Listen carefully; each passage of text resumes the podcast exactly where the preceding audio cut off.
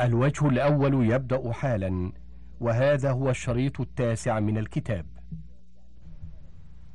مسألة قال والخشب والخرق وكل ما أنقي به فهو كالأحجار. هذا الصحيح من المذهب وهو قول أكثر أهل العلم وفيه رواية أخرى لا يجزئ إلا الأحجار اختارها أبو بكر وهو مذهب داود. لأن النبي صلى الله عليه وسلم أمر بالأحجار وأمره يقتضي الوجوب ولأنه موضع رخصة. ورد الشرع فيها بآلة مخصوصة فوجب الاقتصار عليها كالتراب في التيمم. ولنا ما روى أبو داود عن خزيمة قال سئل النبي صلى الله عليه وسلم عن الاستطابة فقال بثلاثة أحجار ليس فيها رجيع. فلولا أنه أراد الحجر وما في معناه لم يستثن منها الرجيع. لأنه لا يحتاج إلى ذكره ولم يكن لتخصيص الرجيع بالذكر معنى. وفي حديث سلمان عن النبي صلى الله عليه وسلم أنه لا ينهانا أن نستنجي بأقل من ثلاثة أحجار وأن نستجمر برجيع أو عظم. رواه مسلم. وتخصيص هذين بالنهي عنهما يدل على أنه أراد الحجارة وما قام مقامها. وروى طاوس عن النبي صلى الله عليه وسلم أنه قال إذا أتى أحد أحدكم البراز فلينزه قبلة الله ولا يستقبلها ولا يستدبرها وليستطب بثلاثة أحجار أو ثلاثة أعواد أو ثلاث حثيات من تراب. رواه الدار قطني وقال وقد روي عن ابن عباس مرفوعا والصحيح أنه مرسل ورواه سعيد في سننه موقوفا على طاوس ولأنه متى ورد النص بشيء لمعنى معقول وجب تعديته إلى ما وجد فيه المعنى.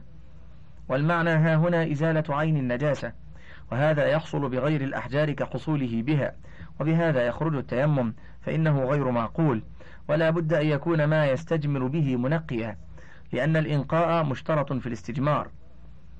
فأما الزلج كالزجاج والفحم الرخ وشبههما مما لا ينقي فلا يجزئ لأنه لا يحصل منه المقصود ويشترط كونه طاهرا فإن كان نجسا لم يجزه. وبهذا قال الشافعي وقال أبو حنيفة يجزئه لأنه يجفف كالطاهر. ولنا أن ابن مسعود جاء إلى النبي صلى الله عليه وسلم بحجرين وروثة يستجمر بها. فأخذ الحجرين وألقى الروثة وقال هذه ركس. رواه البخاري. وفي لفظ رواه الترمذي قال إنها ركس يعني نجسة. وهذا تعليل من النبي صلى الله عليه وسلم يجب المصير إليه ولأنه إزالة نجاسة فلا يحصل بالنجاسة كالغسل. فإن استنجى بنجس احتمل ألا يجزئه الاستجمار بعده لأن المحل تنجس بنجاسة من غير المخرج فلم يجزئ فيها غير الماء كما لو تنجس ابتداء. ويحتمل أن يجزئه لأن هذه النجاسة تابعة لنجاسة المحل فزالت بزوالها. مسألة قال إلا الروث والعظام والطعام. وجملته أنه لا يجوز الاستجمار بالروث ولا العظام ولا يجزئ في قول أكثر أهل العلم. وبهذا قال الثوري والشافعي وإسحاق وأباح أبو حنيفة الاستنجاء بهما لأنهما يجففان النجاسة وينقيان المحل فهما كالحجر. وأباح مالك الاستنجاء بالطاهر منهما. وقد ذكرنا نهي النبي صلى الله عليه وسلم عنهما وروى مسلم عن ابن مسعود قال قال رسول الله صلى الله عليه وسلم لا تستنجوا بالروث ولا بالعظام فإنه زاد إخوانكم من الجن. وروى الدار قطني أن النبي صلى الله عليه وسلم نهى أن نستنجي بروث أو عظم. وقال إنهما لا يطهران. وقال إسناد صحيح. وروى أبو داود عنه عليه السلام أنه قال لرويفع بن ثابت أبي بكرة أخبر الناس أنه من استنجى برجيع أو عظم فهو بريء من دين محمد وهذا عام في الطاهر منها والنهي يقتضي الفساد وعدم الإجزاء فأما الطعام فتحريمه من طريق التنبيه لأن النبي صلى الله عليه وسلم علل النهي عن الروث والرمة في حديث ابن مسعود بكونهما زاد إخواننا من الجن. فزادنا مع عظم حرمته أولى. فإن قيل فقد نهى عن الاستنجاء باليمين كنهيه ها هنا فلم يمنع ذلك الإجزاء ثم كذا ها هنا. قلنا قد بين في الحديث أنهما لا يطهران ثم الفرق بينهما أن النهي ها هنا لمعنى في شرط الفعل فمنع صحته كالنهي عن الوضوء بالماء النجس وثم لمعنى في آلة الشرط فلم يمنع كالوضوء من إناء محرم. فصل ولا يجوز الاستنجاء بما له حرمة كشيء كتب فيه فقه أو حديث رسول الله صلى الله عليه وسلم لما فيه من هتك الشريعة والاستخفاف بحرمتها فهو في الحرمة أعظم من الروث والرمة. ولا يجوز بمتصل بحيوان كيده وعقبه وذنب بهيمة وصوفها المتصل بها. وقال بعض أصحابنا يجمع المستجمر به ست خصال أن يكون طاهرا جامدا منقيا غير مطعوم ولا حرمة له ولا متصلا بحيوان. مسألة قال والحجر الكبير الذي له ثلاث شعب. يقوم مقام ثلاثة أحجار. وبهذا قال الشافعي وإسحاق وأبو ثور وعن أحمد رواية أخرى لا يجزئ أقل من ثلاثة أحجار. وهو قول أبي بكر بن المنذر لقوله عليه السلام لا يستنجي أحدكم بدون ثلاثة أحجار ولا يكفي أحدكم دون ثلاثة أحجار ولأنه إذا استجمر بحجر تنجس فلا يجوز الاستجمار به فانيا كالصغير. ولنا أنه إن استجمر ثلاثا منقية بما وجدت فيه شروط الاستجمار أجزأه كما لو فصله ثلاثة صغارا واستجمر بها إذ لا فرق بين الأصل والفرع إلا فصله ولا أثر لذلك في التطهير.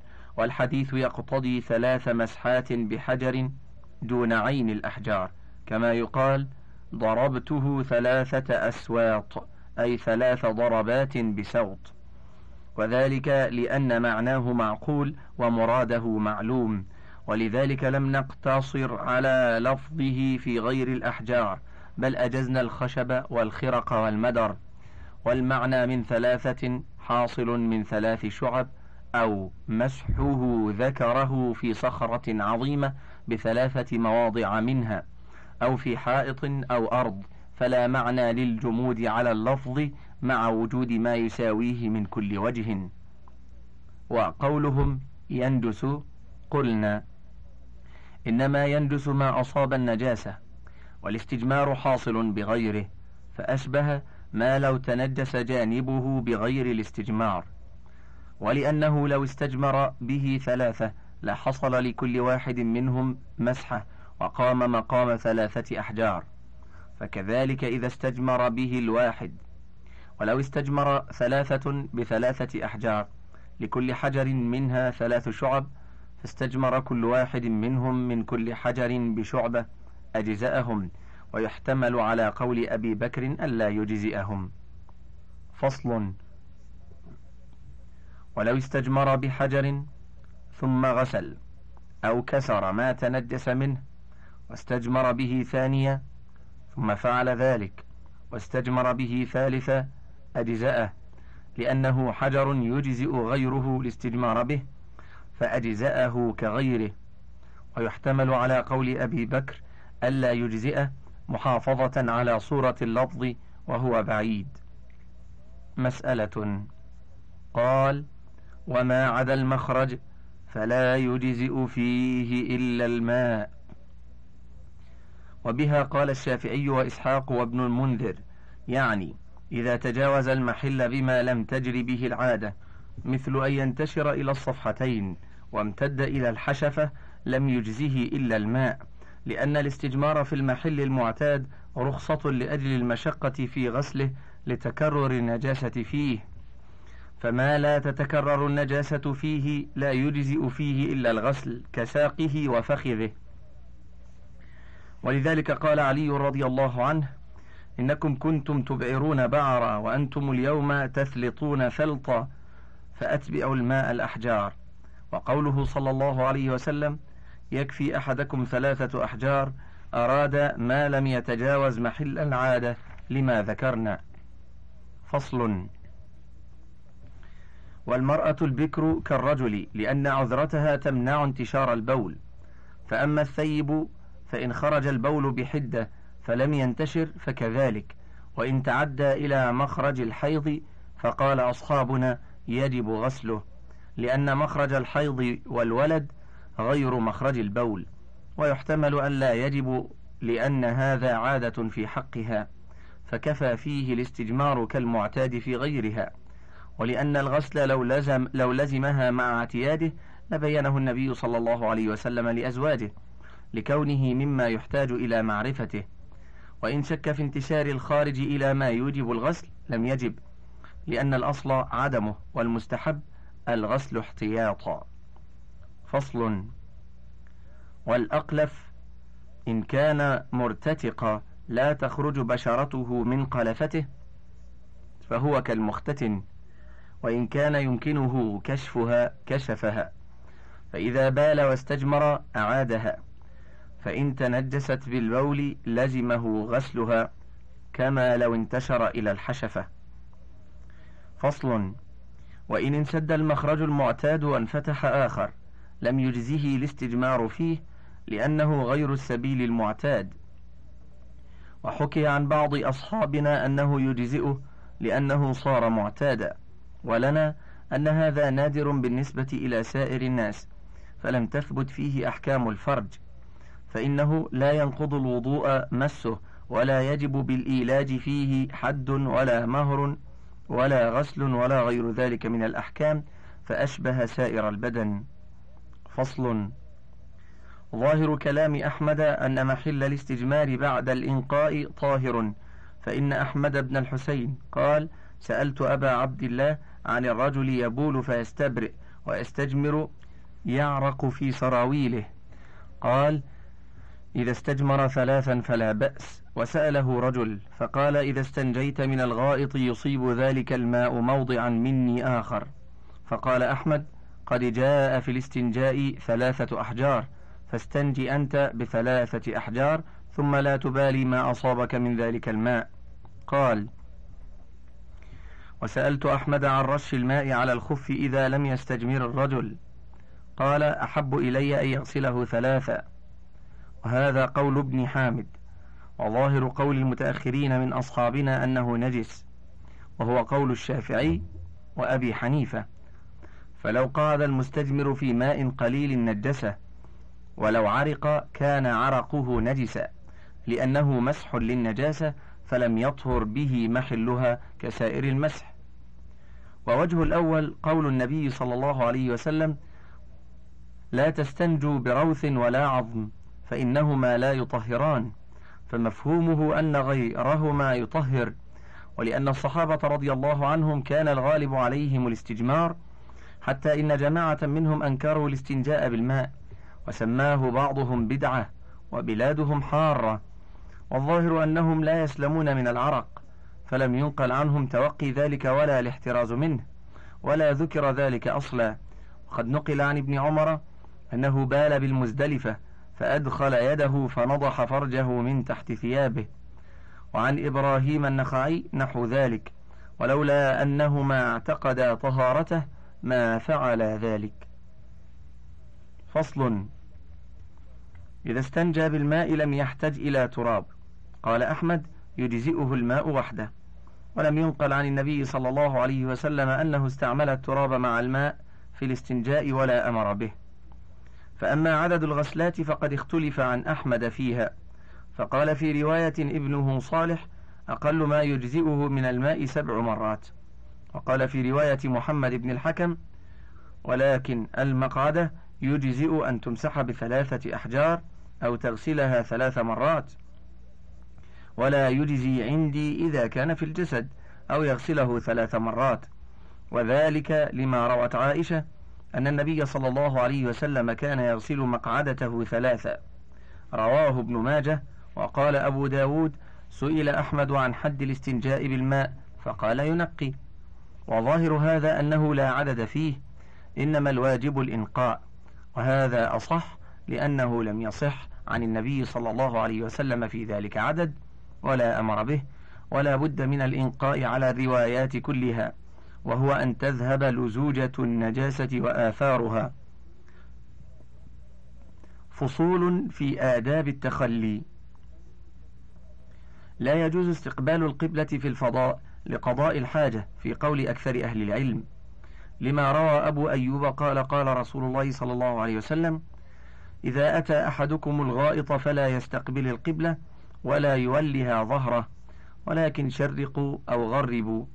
قال أبو أيوب فقدمنا الشام فوجدنا مراحيض قد بنيت نحو الكعبة فننحرف عنها ونستغفر الله عز وجل.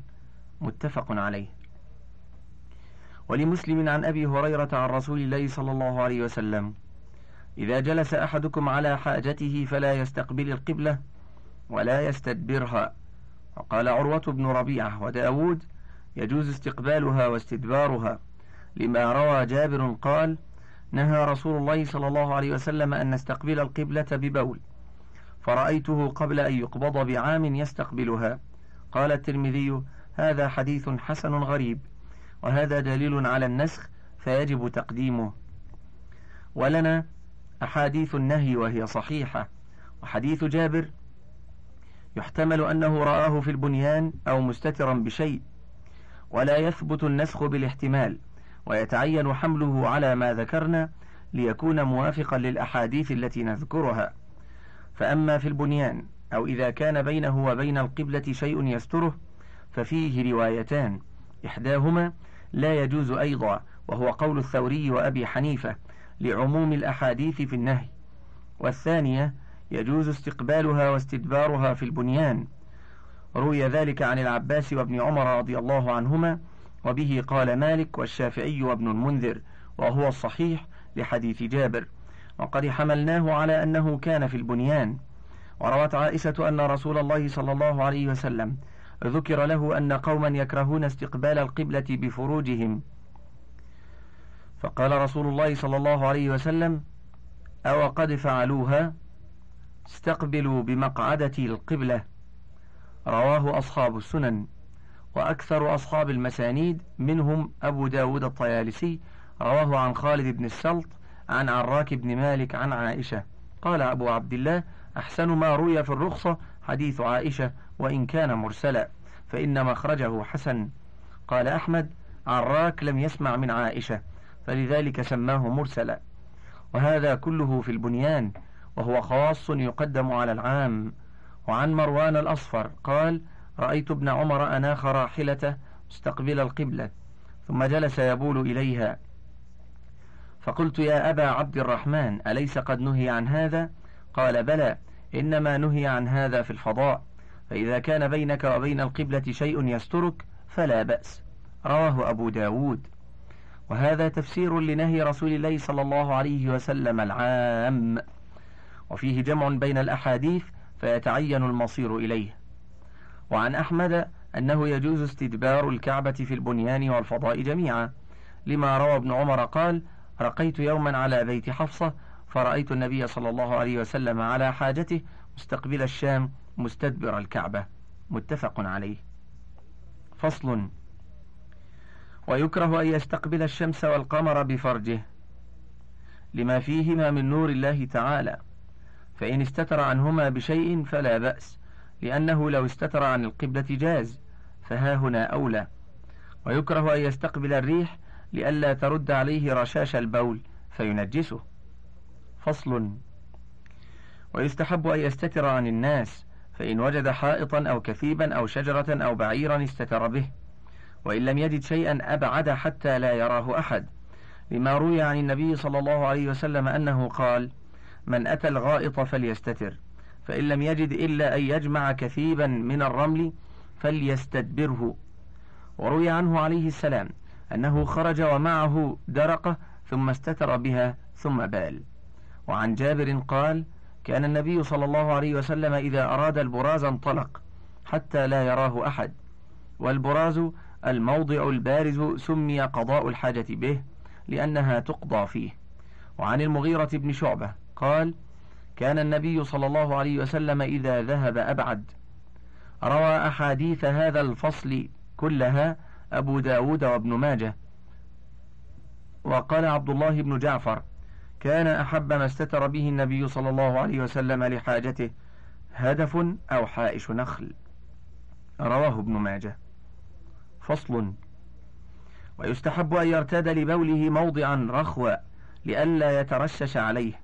قال أبو موسى كنت مع النبي صلى الله عليه وسلم ذات يوم فأراد أن يتبول فأتى دمثا في أصل حائط فبال ثم قال إذا أراد أحدكم أن يتبول فليرتد لبوله. ويستحب أن يبول قاعدا لئلا يترشش عليه. قال ابن مسعود من الجفاء أن تبول وأنت قائم.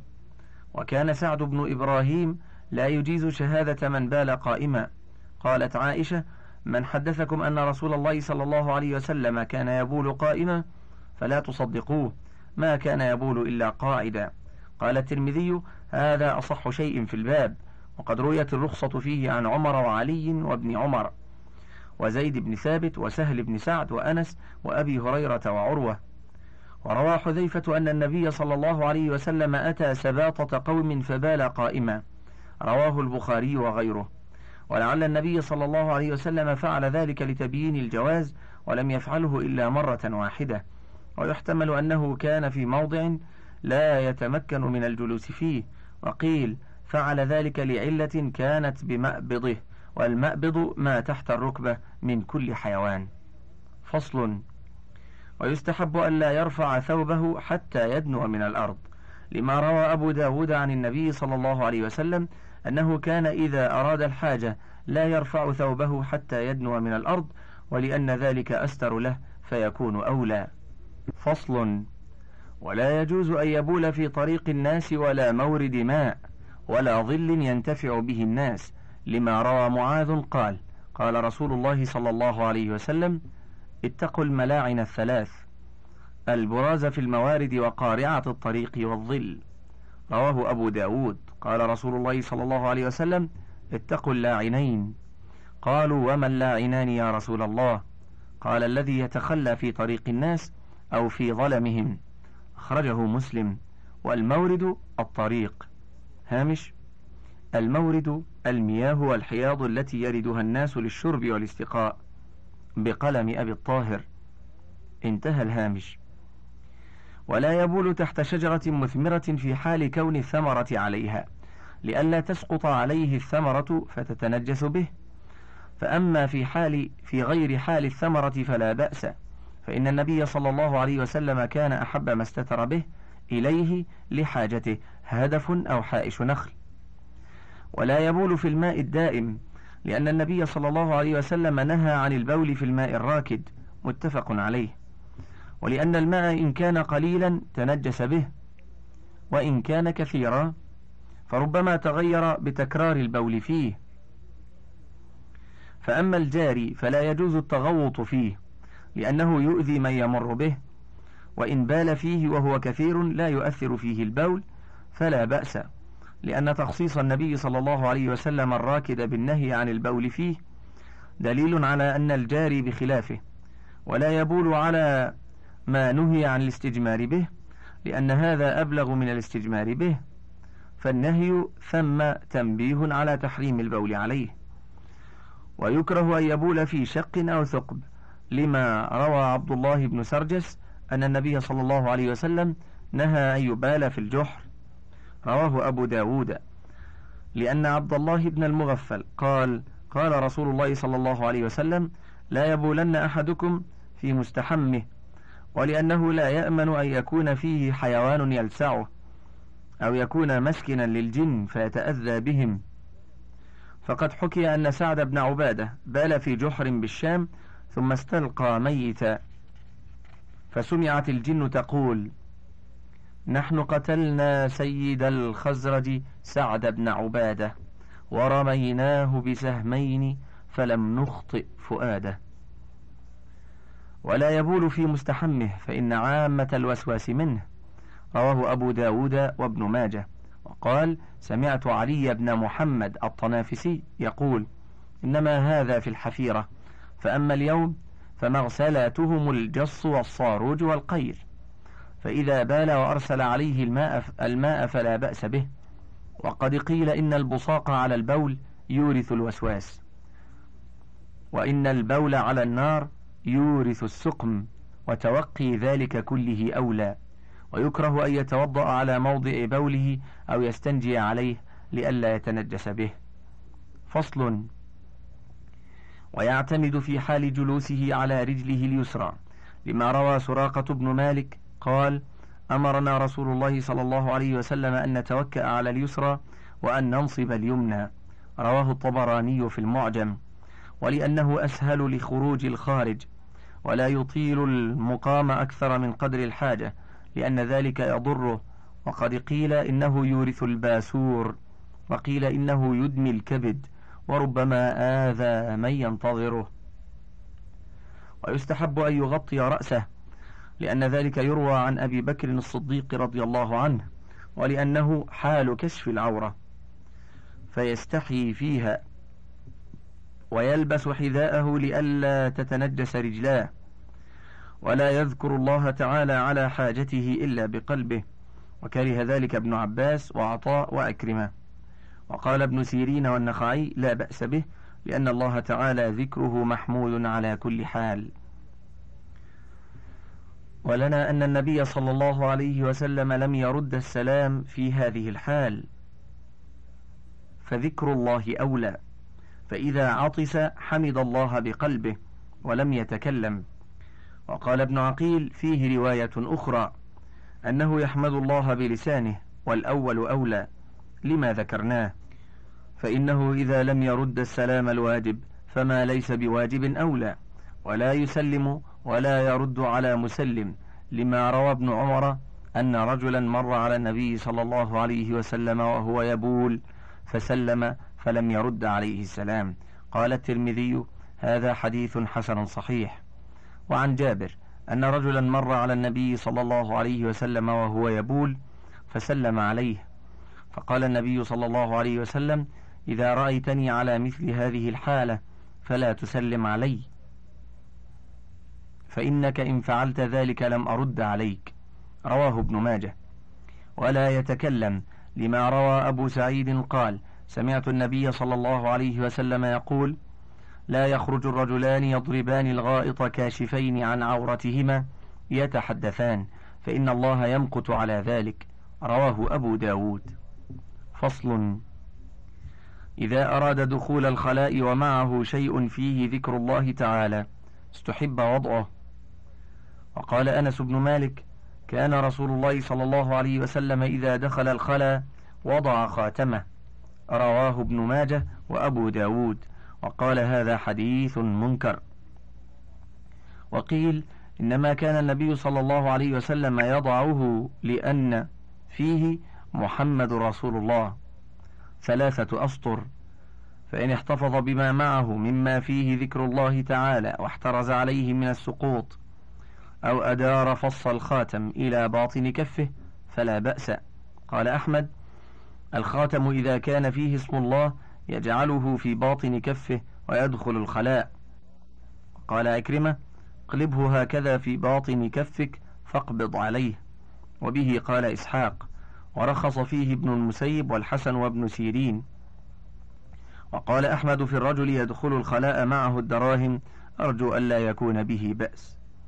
فصل ويقدم رجله اليسرى في الدخول واليمنى في الخروج ويقول عند دخوله بسم الله أعوذ بالله من الخبث والخبائث ومن الرجس النجس الشيطان الرجيم. قال أحمد يقول إذا دخل الخلاء أعوذ بالله من الخبث والخبائث وما دخلت قط المتوضأ ولم أقلها إلا أصابني ما أكره. وعن أنس أن النبي صلى الله عليه وسلم كان إذا دخل الخلاء قال اللهم إني أعوذ بك من الخبث والخبائث. متفق عليه. وعن علي قال قال رسول الله صلى الله عليه وسلم ستر ما بين الجن وعورات بني آدم إذا دخل الكنيف. أي يقول بسم الله. وعن أبي أمامة أن رسول الله صلى الله عليه وسلم قال لا يعجز أحدكم إذا دخل مرفقه أن يقول اللهم إني أعوذ بك من الرجس النجس الخبيث المخبث الشيطان الرجيم. رواهما ابن ماجه. قال أبو عبيد الخبث بسكون الباء الشر والخبائث الشياطين وقيل الخبث بضم الباء والخبائث ذكران الشياطين وإناثهم فإذا خرج من الخلاء قال غفرانك الحمد لله الذي أذهب عني الأذى وعافاني انتهى الوجه الأول. فضلا اقلب الشريط.